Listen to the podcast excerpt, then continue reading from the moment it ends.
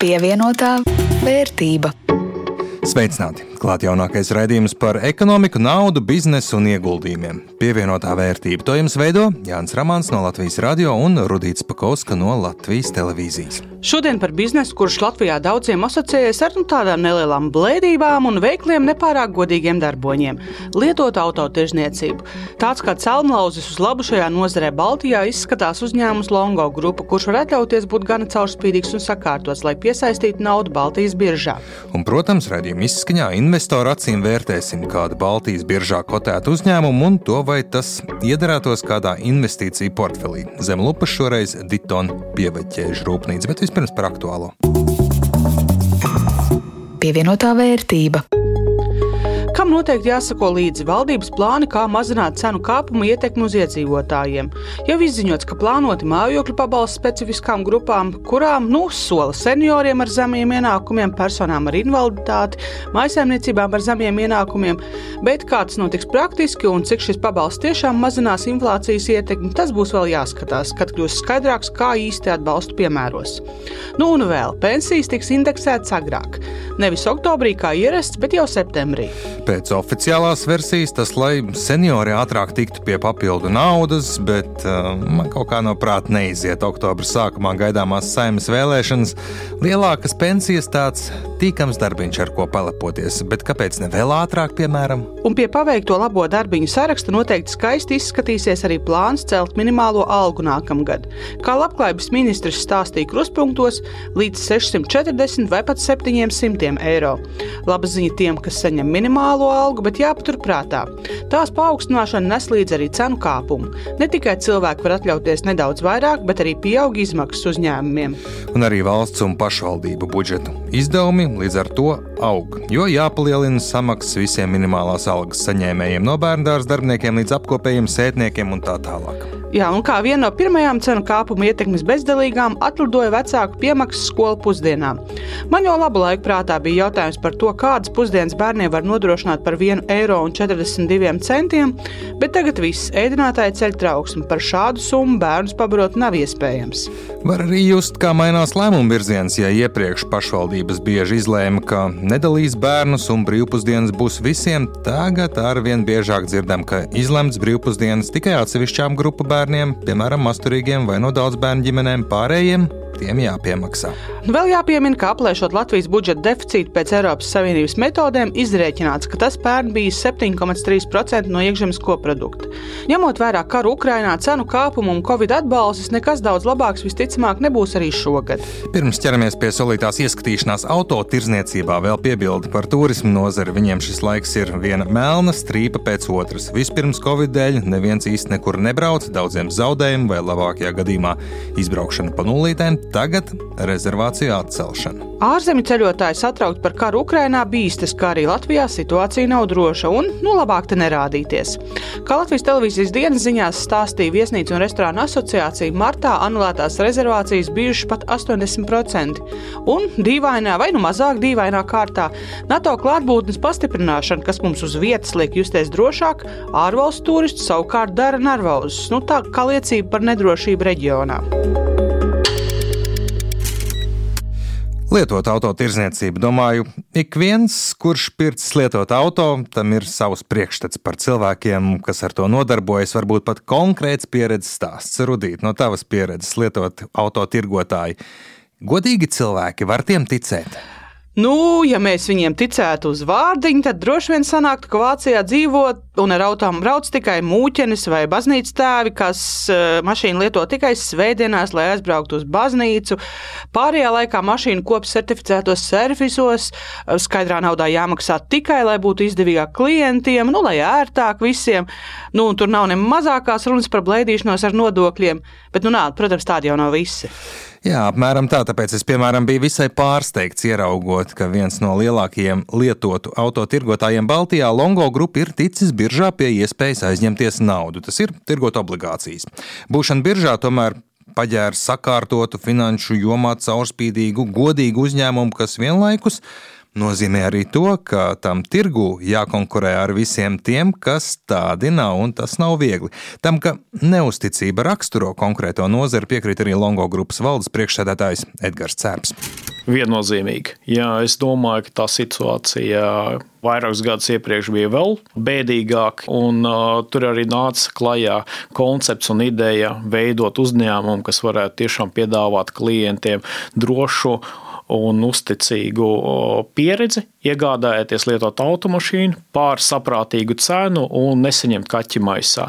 Vai šī situācija ir tiešām lieliska? Labi, viennozīmīgi nē. Tāpat kā ne tikai Baltijas valstīs, bet arī daudzās citās valstīs, tā pašā Amerikas Savienotajās valstīs vai Lielbritānijā, tur arī pastāv šīs problēmas par uzticamību un daudzām citām lietām, tie pašiem grieztiem odometriem, bet, protams, varbūt ne tik izplatīti. Ja?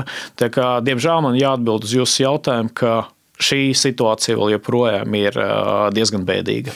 Un, godīgi sakot, tas ir ļoti liels izaicinājums, īpaši sākumā uzņēmumam, jo, ja pat tu taisi visu godīgi un, un centies, tam neviens jau, protams, neticēs, jo tā stigma izveidojusies ne jau viena mēneša vai viena gada laikā. Tas ir desmit gadu jautājums. Praktiski vienīgais veids, kā konkurēt ar nepārāk godīgajiem, ir ar darbu, apliecināt savu reputāciju, vairot uzticamību, pelnīt nevis uz klientu apmānīšanas rēķina.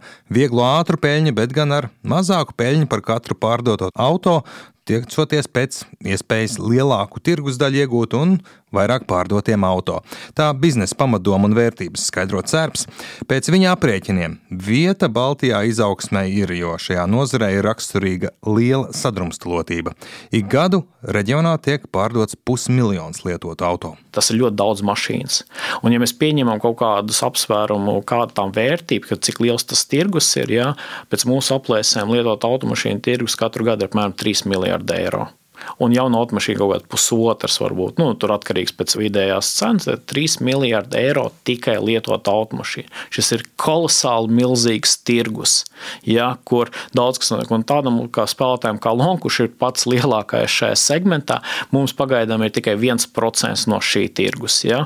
Tas nozīmē, to, ka konsolidācija iespējas ir ļoti, ļoti lielas. Jūs iedomājaties, ja kādam uzņēmumam Baltijā būtu 10% no šī tirgus, tas būtu būtu 300 miljonu eiro apgrozījums. Kā ar daudzām lietām tiek prognozēts, ka aizvien vairāk arī lietotus auto pirksim internetā, to klātienē pat neapskatot. Ar jauniem auto Tur ir vienkārši. Pircējs zina, ka tas ir jauns, ar garantiju, bet internetā pērkot lietotu bez fiziskas apskates, tur jo īpaši svarīgi ir uzņēmuma reputācija un spēja garantēt, ka auto ir labs un arī gal galā uzņemties atbildību, ja kaut kas beigās tomēr nav tā kā vajag. Vēl viena tendence, kura būtiski ietekmē lietot auto tirgu, ir lielais pieprasījums pēc dabai draudzīgiem spēkratiem un elektroautorātiem. Cērps gan brīdina, nevajadzētu lolot ilūzijas par to, ka visi Baltijā tuvākajā nākotnē pāriesim uz elektroautorātu, jo tie vienkārši būs neadekvāti dārgi. Ražošanas jaudas ir tādas, kādas viņas ir. Lielie autoražotāji nevarēs tur dubultot, trīskāršot ļoti ātri elektroautorātu ražošanu. Ja? Pieprasījums pēc tam auto ir visur. Tas nozīmē, to, ka auto var pārvest no vienas Eiropas Savienības gala līdz otram pa salīdzinoši zemu cenu.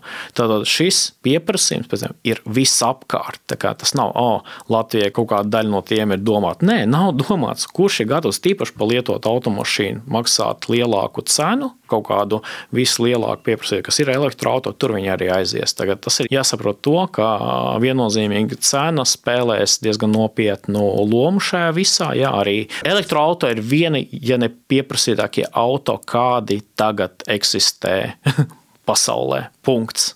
Un, vis, un tīpaši lietot automašīnu skaits, elektroautorāta, kas tieši iet otrajā ir, ir salīdzinoši maz, uz kura arī ir milzīgākais pieprasījums. Ja? Ar to ir jārēķinās. Ja kaut kas ir tiešām tādā vērtībā, tam ir arī sava adekvāta cena. Šo cenu un pieprasījumu, protams, veicina arī valsts atbalsts elektroautorāta iegādēji, un, ja ir patiesa rūpe par dabu, citi mazāki, efektīvāki soļi viņa prāt nest lielāku labumu. Bet es domāju, mums vajadzētu vairāk fokusēt uz tādu soli pa solim sāksim atteikties no kādiem 3 litru dīzeļa automašīnām ar izgrieztiem DPF filtriem. Sāksim ar to. Tas būs, ja mēs no tā atteiksimies, tas būs milzīgākais solis uz priekšu. Tad droši vien emisijas samazinās vairāk nekā pa pusi.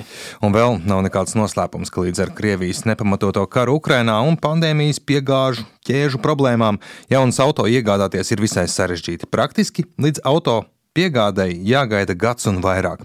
Varētu domāt, ka tas īstermiņā nāks par labu lietot auto tirgotājiem? Droši vien, ka jā, bet ne tiem uzņēmumiem, kuri domā ilgtermiņā nekas nav uzņēmuma par labu, kas nenāk sabiedrībai par labu. Ja? Kaut kāds deficīts nav labi kā tāds. Ja? Tur ir daudz dažādu iemeslu, kāpēc tas tā notiek, bet nu, ir lietas, kā viņas ir. Ja? Jo, ja nav jauna automašīna, tad atkal viņi neparādās lietot automašīnu tirgu, tad mēs atkal mums ir daudz sarežģītāk viņas iepirkt, tā tad jāstrādā vēl daudz vairāk un intensīvāk, lai sagādātu tādu pašu produktu. Ja? Tā kā es domāju, tas nevienam nav izdevīgi, un kas ir ļoti svarīgs aspekts, ja jūs palasāt gada atskaites lielākajiem ražotājiem, ka pagājušais gads viņiem bija visiem salīdzinoši veiksmīgs, neskatoties to, ka ražošanas apjomi ir samazinājušies. Un es domāju, kuram ražotājam tas arī patīk saražot mazāk, nopelnīt vairāk. Ja? Un lieta tāda, jo ir deficīts, tad atkal, kas tiek pie automašīnām, tie, kas ir gatavi maksāt, dārgākas automašīnas tiek prioritizētas Jo atkal var vairāk nopelnīt, ir lielāks apgrozījums eiro ekvivalentā, un, tā, un tas ir tas, kas notiek. Tātad, ja komponents iztrūks, tas tiek izņemts vairāk no kaut kāda lētāka gala automašīnām un tiek iegūts. Es domāju, ka visas šīs lietas tas nav labi ne sabiedrībai, nekam citam, bet mums vienkārši jāpielāgojas pie tā. Tādas lūk perspektīvas autotirgu un ko par lietot autotirzniecības nozari domā šī tirgus līderis Baltijā. Vismaz valstī nomaksāto nodokļu ziņā pavisam noteikti līderis. Pievienotā vērtība. Bet kas notiek Baltijas biržā? Lai gan uzņēmumi ziņo par visai labiem finanšu rezultātiem gada pirmajā ceturksnī, investori dēļ nedrošības par nākotni ir piesardzīgi un savā ziņā var teikt, ka akciju cena mīņājas uz vietas. Te viena nedēļa mazliet uz augšu, nākamajā jau leju. Aizvadītajā nedēļā Baltijas biržās kritums. Rīgas biržas indeks samazinājās par 5,04%, Viļņas biržas indeks samazinājās par 0,79%, savukārt Tallinā kritums 1,3%. Manam ieguldījumu portfelim tas ir nozīmējis nelielu vērtības kritumu. Nedēļā pazaudēts 7 eiro un kopējā portfeļa vērtība 470 eiro. Ienesīgums kopš tā izveids gan joprojām visai cienījams. Virs 50% tas gan vairāk uz pagātnes veiksmes rēķina. Nu, man netika veiksmīgi. Pieaugums no sākotnējiem 300 eiro - 35%. Sēžu tagad un gaidu dividendes. Bet raidījuma noslēgumā, kā ierasts, Palūkosimies, kā veicas kādam no biržā kotētiem uzņēmumiem un vai tajā vērts ieguldīt. Šajā reizē par uzņēmumu ar vairāk nekā 70 gadu vēsturi. Daugopilī bāzēto Ditonu pievaļķēžu rūpnīcu uzņēmums, unikāls Baltijas mērogā, bet tirzniecība ar tā akcijām nenotiek ļoti aktīvi. Krievijas sāktā kara dēļ uzņēmumam arī nāksies lūkoties pēc jauna eksporta virziena, jo līdz šim austrumu virziens bija nozīmīgs tirgus. Plašāk Lindas Zalāns veidotajā ierakstā. Baltijas mērogā uzņēmums ir faktiski unikāls, jo ir vienīgais Baltijā, kas šādu veidu produkciju ražo proti dažādu veidu pievaļķēdes. Mašīnu būves un metāla apstrādes rūpniecības asociācijas valdes priekšsēdētājs Toms Grīnfelds izceļ, ka Daugopilī bāzētā Diktona pievaļķēžu rūpnīca ir spējusi saglabāt ražošanu kopš padomu laikiem. Un ne tikai saglabāt, bet arī, kas nav maznozīmīgi, ļoti dažādo tirgus. Skaidrs, ka joprojām arī austrumu virziens ir diezgan liels procents, bet tāpat laikā liela daļa ir tirgus ir Rietuma Eiropa, kas nu, mūsdienās arī nav mazsvarīgi.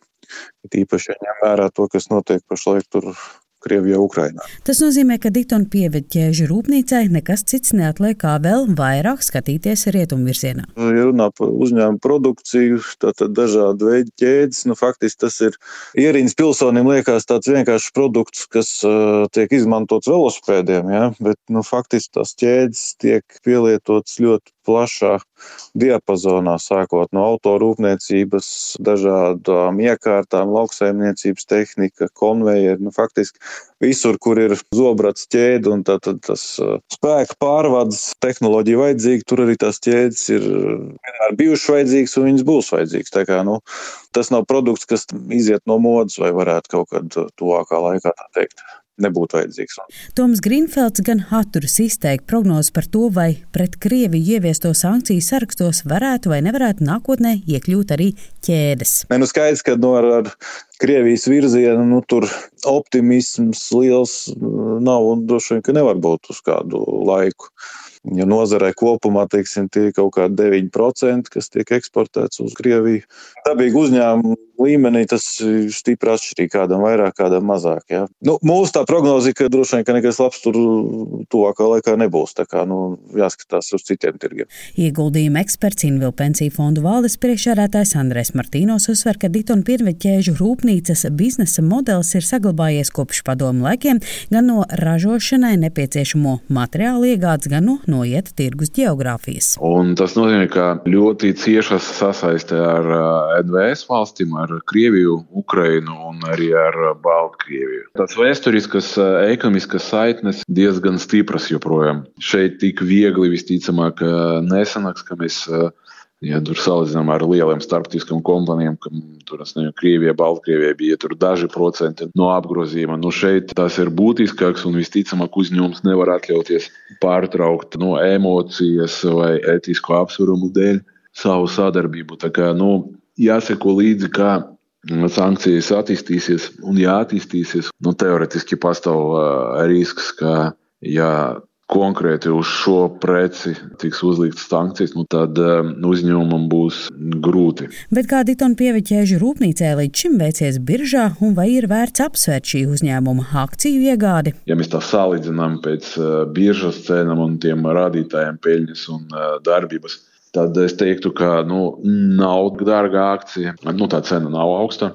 Nu, tas nebūtu varbūt tas vienīgais iemesls, lai pirktu vai pārdotu šīs akcijas. Jo tomēr tā neskaidrība ir pietiekoši liela, ja, un viņa palielinās. Andrēs Martīnos arī uzsver, ka tirzniecība ar Ditonu pieveķēžu rūpnīcas akcijām nenotiek aktīvi, proti apjomi nav lieli. Tāpat laikā eksperts pieļauj, ka uzņēmumam ir savu fanu grupa, kas ir iemīlējusi tā akcijas un apgroz tās. Bet tajā pašā laikā es teiktu, ka pensiju fondi, tādi institucionāli lieli investori un ārvalstu investori, nu, viņi netirgojas ar šīm akcijām. Nu, Ja ir interese iesaistīties vietējā uzņēmuma akciju tirdzniecība, kuras nu, akcijas nu, nav pārāk dārgas, tas, ka cena vēl nav nokritusi, tāpēc ka tiešām vēl pa maz informācijas un uzņēmums diezgan lakoniski komentē šo situāciju ģeopolitisku un kā uzņēmumam iet. Ditona pieveķēža rūpnīca pēdējo reizi akcionāriem dividends izmaksāja pirms desmit gadiem un samērā nelielā apjomā.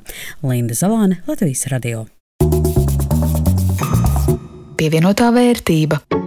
Ar to arī skan raidījums pievienotā vērtība. To jums sagatavoja Jānis Ramāns no Latvijas radio un Rudīts Pakauska no Latvijas televīzijas. Par labskaņu rūpējās Renārs Steimans. Uz tikšanos pēc nedēļas tikai vēl atgādināšu, ka mūsu raidījumu var klausīties arī raidierakstu vietnēs un jaunajā Latvijas radio mobilajā lietotnē.